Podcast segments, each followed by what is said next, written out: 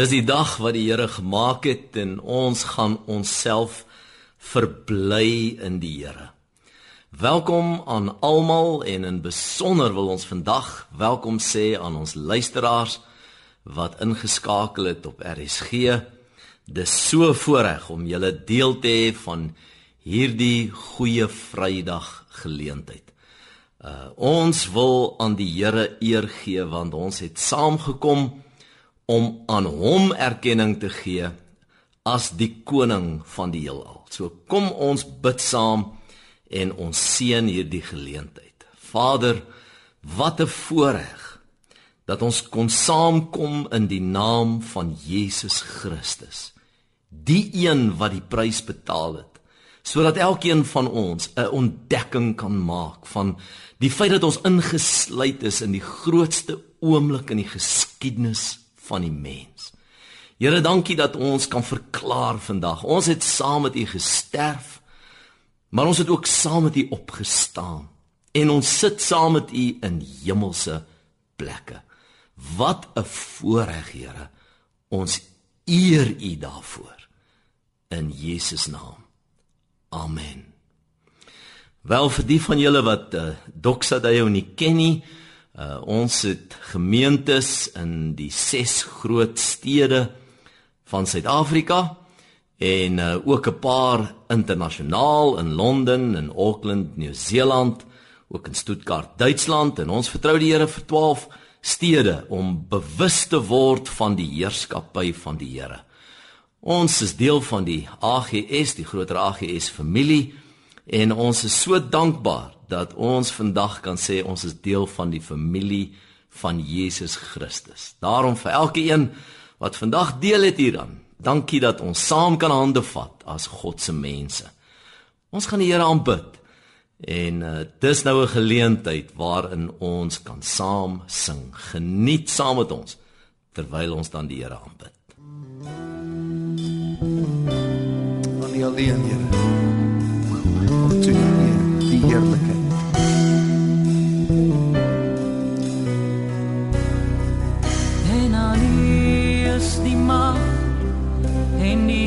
heerlikheid en krag en aan u is die eer en die lof van u regeer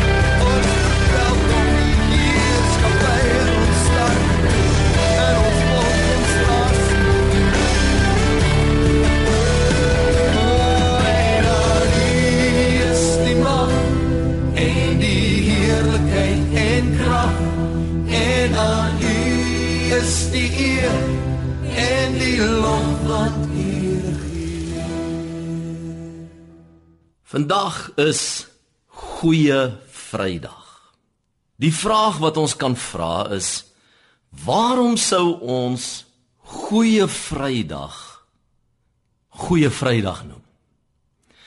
Eintlik is dit 'n dag van geweldige verwarring, van pyn, van seer, van dood.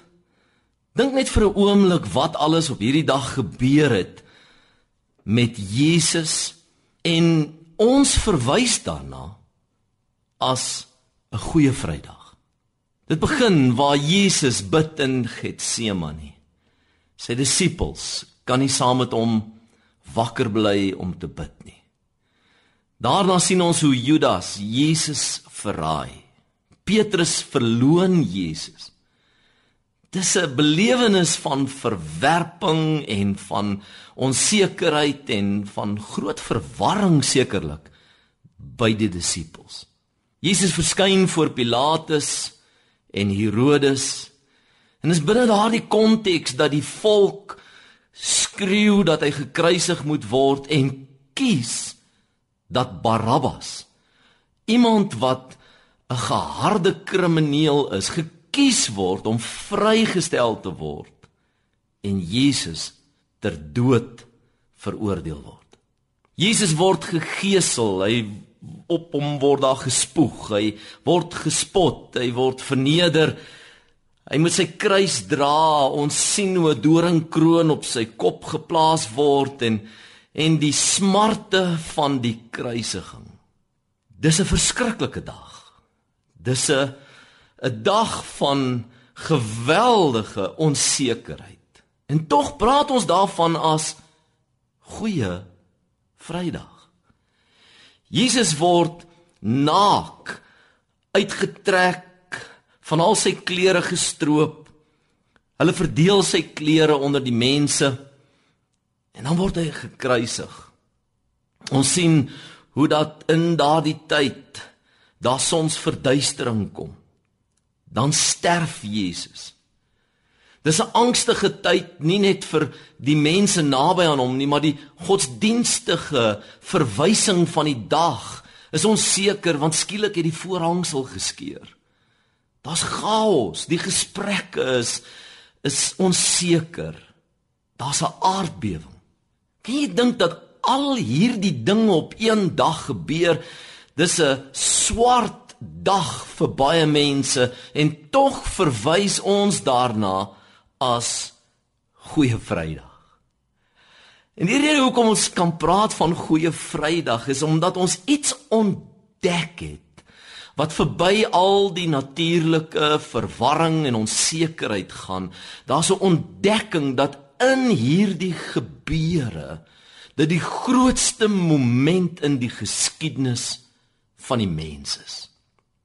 En elke mens wat dit ontdek, ontdek hoe jy ingesluit is in daardie oomblik. Jy's ingesluit in daardie verwysing wat die skeiding gebring het tussen die mens se verleentheid en minderwaardigheid in Adam en dat jy nou geherposisioneer is in die triomf en die oorwinning in Christus. Dis Paulus wat skryf van die gemeente in Korinte. Wanneer hy sê in 1 Korintiërs 1 vers 18, hy sê die woord van die kruis is dwaasheid vir die wat verlore gaan, maar wel vir ons wat gered word. Is dit die krag van God? Trouwens Paulus sê 'n bietjie later in 1 Korintiërs 2 vers 2 hy sê ek het my voorgenem om niks anders onder julle te weet as Jesus Christus en hom as gekruisigde. Jy sien Paulus het 'n ontdekking gemaak. En hierdie ontdekking was dat die mensdom ingesluit was in hierdie oomblik van triomf en van oorwinning.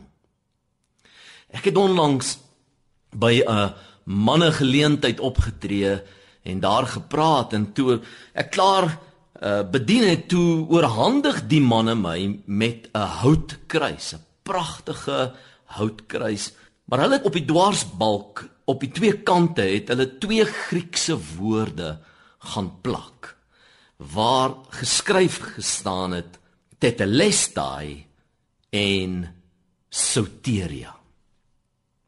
Nou sommige van julle mag weet wat hierdie woorde beteken.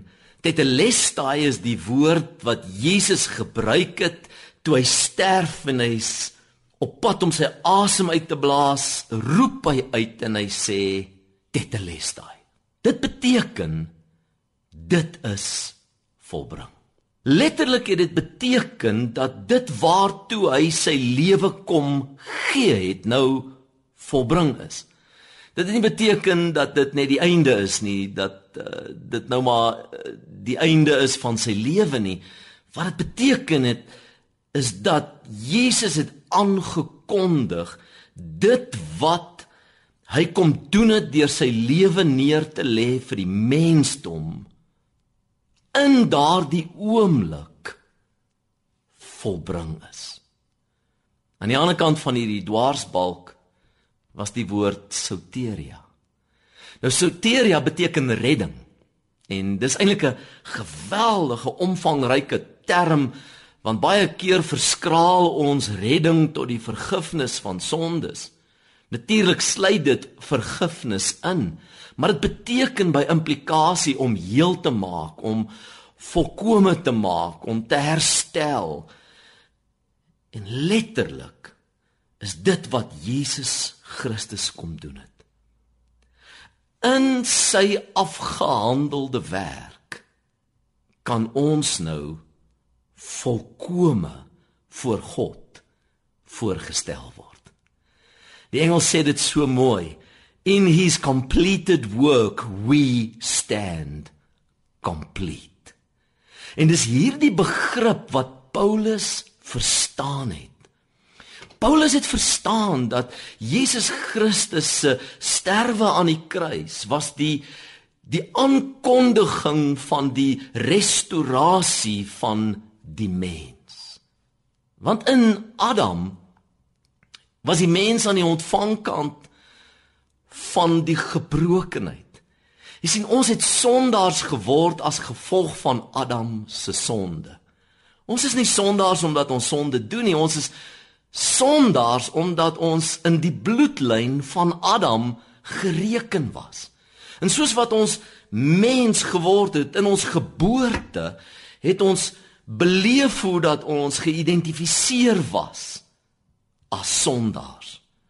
As minderwaardige wesens, as mense wat die volheid van dit wat God vir ons bedoel het, verloor het.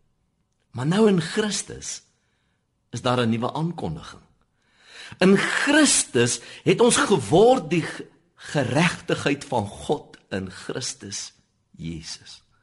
Daar's 'n nuwe verklaring oor ons lewe. En dit is so belangrik dat ons sal verstaan wat met ons gebeur het. Want die kruis was 'n sukses. Toe die geskiedenis die dood van een mens opteken, het die ewigheid die herposisionering van die mensdom opgeteken.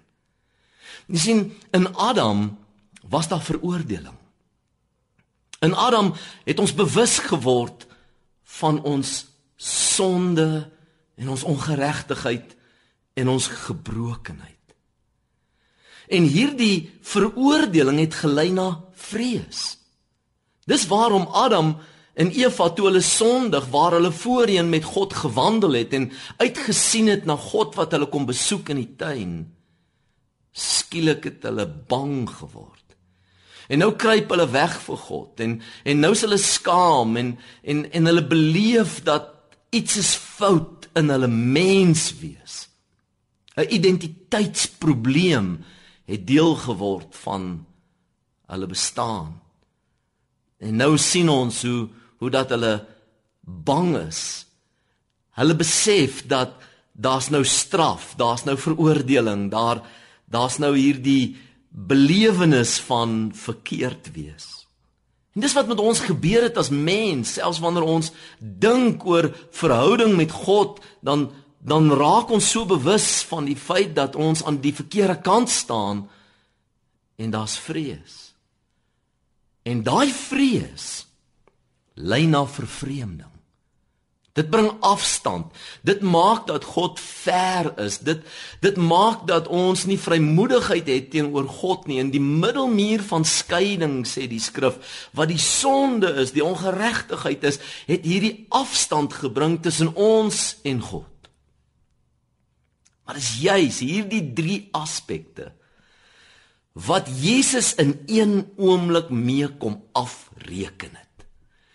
Die uitroep van Tetelestai. Dit is volbring.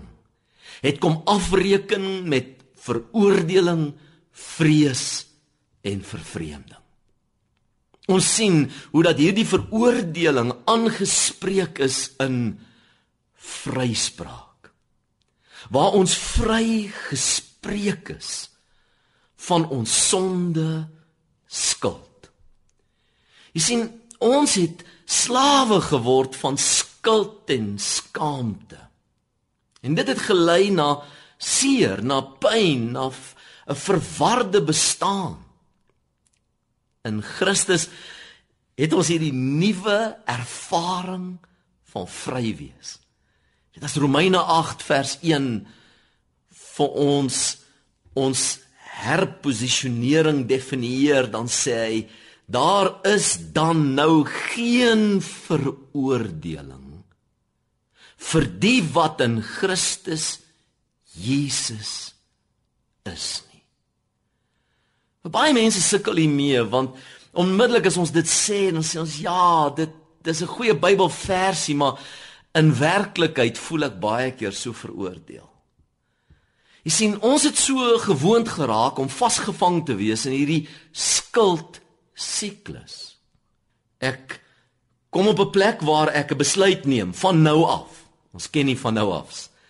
Van nou af gaan ek met toewyding gaan ek my kant bring. Van nou af gaan ek vroeg opstaan om 5 uur te bid en dan gaan die wekker af en dan sukkel ek om op te staan of as ek opstaan gaan ek af en ek gaan kniel daar by die sitkamerbank en dan word ek 6 uur wakker met die punt van die bank in my wang.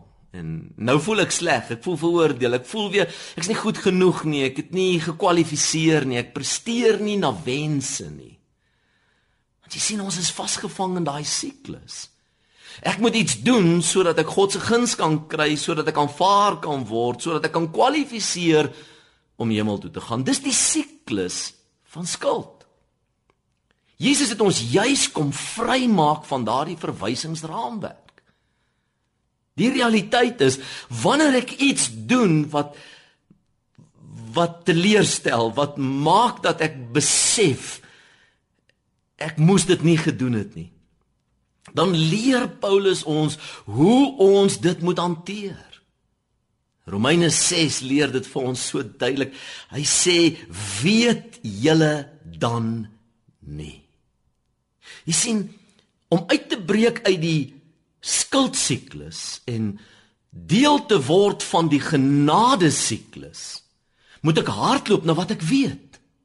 Wat sê Paulus? Wat weet jy? En hy herhaal hierdie konsep 3 keer in daai hoofstuk.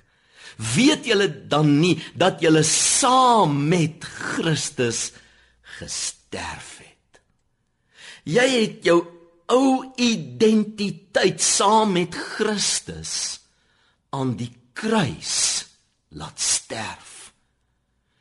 Jy sien, wanneer ons vandag dink oor Jesus Christus wat gesterf het, dan dink ons nie net sentimenteel terug na 'n geskiedkundige moment nie. Vir ons, vir wie die kruis die krag van God is, ons sien onsself saam met Christus aan die kruis. Jy sien want as ek myself nie aan die kruis sien nie en ek en ek dink net sentimenteel aan Jesus wat sterf aan die kruis, beteken dit werklik niks vir my. Ek moet myself sien as saam met hom gekruisig. En dis wat Romeine 6 vir ons so duidelik uitspel. Hy sê julle saam met hom gekruisig, julle het saam met hom opgestaan in die nuwe lewe, in die opstandingslewe, in the resurrection life. Hierdie dag is 'n goeie Vrydag. Want jy sien toe Christus sterf, toe sterf almal van ons vir ons ou verleentheidslewe. Ons ou minderwaardige bestaan is saam met hom gekruisig. Ons kan nie meer nie ons self identifiseer in ons verleentheid in Adam nie. Want jy sien solank as wat dit die definisie is van jou bestaan, is dit hoe jy gaan lewe. As Adam nog definieer wie jy werklik is, gaan dit die aktiwiteit van jou lewe bepaal. Want jy sien identiteit bepaal aktiwiteit. Hoe jy jouself sien bepaal hoe jy leef. En die rede waarom baie mense nie oorwinning kry oor sonde nie, oorwinning kry oor die goed wat hulle vashou in 'n minderwaardige bestaan nie, is omdat hulle nie voluit identifiseer in die triomf en die oorwinning van die kruis nie. Te veel mense wag vir die tweede koms van Christus om hulle te verlos, terwyl die eerste koms 'n sukses was. Die kruis van Jesus Christus was 'n sukses. En jy's ingesluit daarin. Die skrif sê vir ons hardloop na wat jy weet. Weet jy dan nie dat jy saam met hom gekruisig is? Net so bietjie later in vers 9 dan sê Paulus, hy sê nou reken julleself. Die Griekse woord daar is 'n groot woord logitsumai wat vertaal word as reken. En eintlik kry ons ons woord logika van daar af. Paulus sê eintlik kom tot die enigste logiese gevolgtrekking. Jy het saam met Christus gesterf. En nou in geloof identifiseer jy met daardie realiteit en en dis waarom ons as as hulle wat regverdig verklaar is uit geloof lewe. Die regverdige sal uit geloof lewe. Ons leef nie vanuit ons sintuiglike en vanuit ons natuurlike herkoms nie. Die skrif sê, as jy in Christus is, is jy 'n nuwe skepsel. Die ou dinge het verbygegaan. Kyk, alles het nuut geword, sê 2 Korintiërs 5 vers 17. Dis die geloof waarvan ons lewe. Ons leef vanuit hierdie verwysing dat ek geïdentifiseer is in die grootste oomblik in die geskiedenis van die mens. Ons sien goeie Vrydag as 'n goeie Vrydag. Hy het die prys betaal. Hy het gesterf. Hy het, hy het die pyn beleef sodat ons vry kan wees. Dis 'n belediging van die integriteit van daardie oomblik as ons as kinders van die Here nie onsself ten volle daarmee identifiseer nie en ons teruggryp na ons verleentheidsverwysing in Adam. Jy sien as ek ontdek ek is vrygespreek dan lei vryspraak na vrymoedigheid. Terwyl veroordeling vrees bring.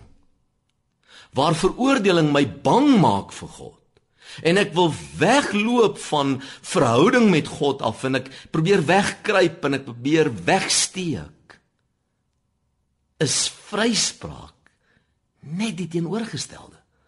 Vryspraak bring 'n vrymoedigheid. Vryspraak bring my op hierdie plek waar ek sê Here ek kan nie wag om die verhouding met God te geniet nie. Dit is Paulus skryf in Romeine 8 vers 1 en hy sê daar's nou geen veroordeling vir die wat in Christus is nie.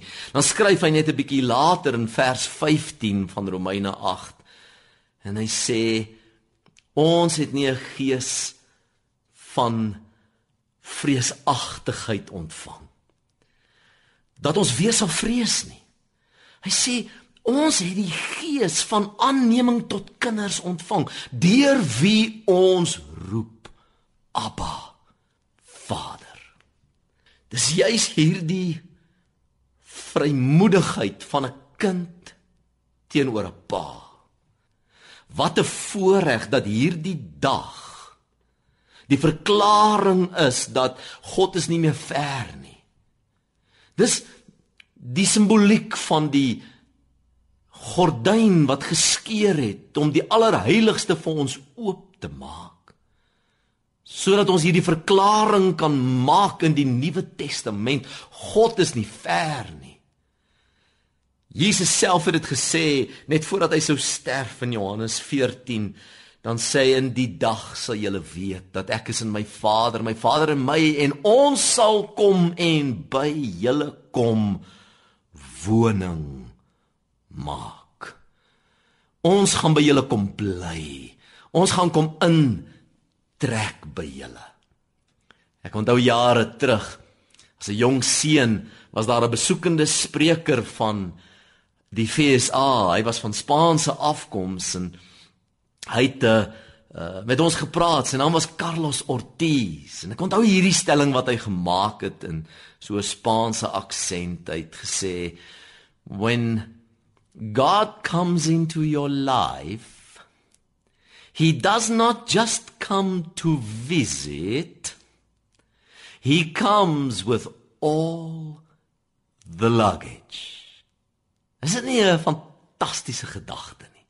God het sy intrek geneem. Hy kom woning maak. We have become the habitation of God. Ons het die omgewing geword waar waar God kies om te wil woon. Jy sien, wanneer jy ontdek dat God met jou is, verander dit hoe jy leef. Dit verander hoe jy praat, dit verander hoe jy dink, dit verander hoe jy omstandighede hanteer. Op hierdie stadium in in ons Suid-Afrikaanse konteks is daar soveel verwarring, soveel onsekerheid, soveel wanhoop by mense.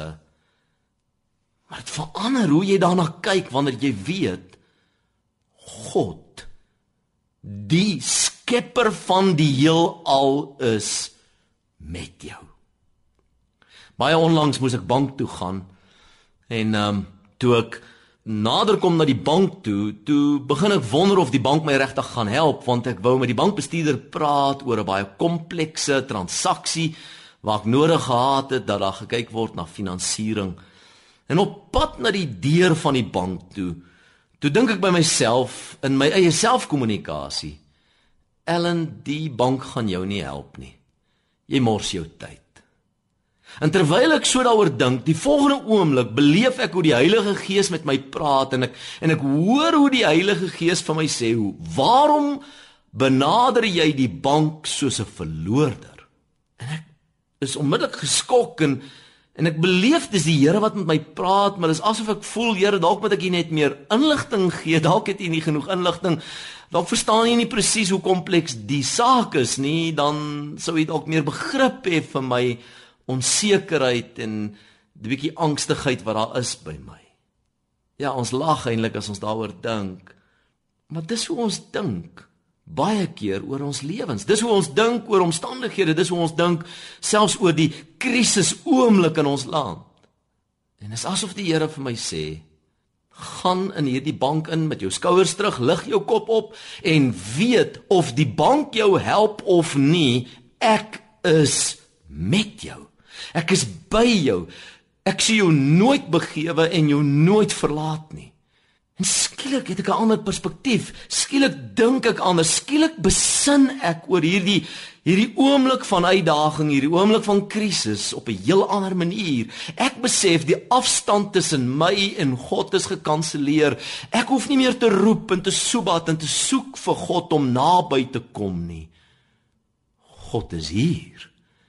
Sy woord sê vir my, hy het woning kom maak. Hy kom bly in my. Jy sien, vryspraak bring hierdie vrymoedigheid wat lei tot verhouding. En nou aan die einde van Romeine hoofstuk 8, as Paulus hierdie kommunikasie met ons gedeel het, dan dan sê hy as God vir ons is. Daai as is nie 'n vraag nie, dis 'n stelling. Dis nie miskien, jy weet, kan ons God oortuig om vir ons te wees nie. Miskien kan ons, jy weet, genoegsaam kwalifiseer sodat God saam met ons sal kom tyd spandeer en dat ons, jy weet, met hom kan onderhandel vir sy betrokkeheid in ons lewens nie. Daai as is 'n stelling. As God vir ons is, wie kan teen ons wees?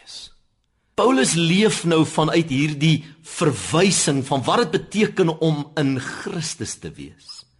In Adam is daar veroordeling, vrees en vervreemding en en jy voel nooit dat jy in die oorwinningslewe regtig kan lewe nie, want jy voel nooit jy kwalifiseer nie. Maar in Christus is daar vryspraak wat vrymoedigheid bring wat verhouding bevestig. Dis in Romeine 5 vers 17 dat Paulus hierdie verklaring oor hierdie dag die goeie Vrydag maak. Dis 'n goeie Vrydag. Hy sê want as ten gevolge van die misdaad van die een, dis Romeine 5 vers 17. As ten gevolge van die misdaad van die een, Adam se sonde, die dood geheers het deur die een. Veel meer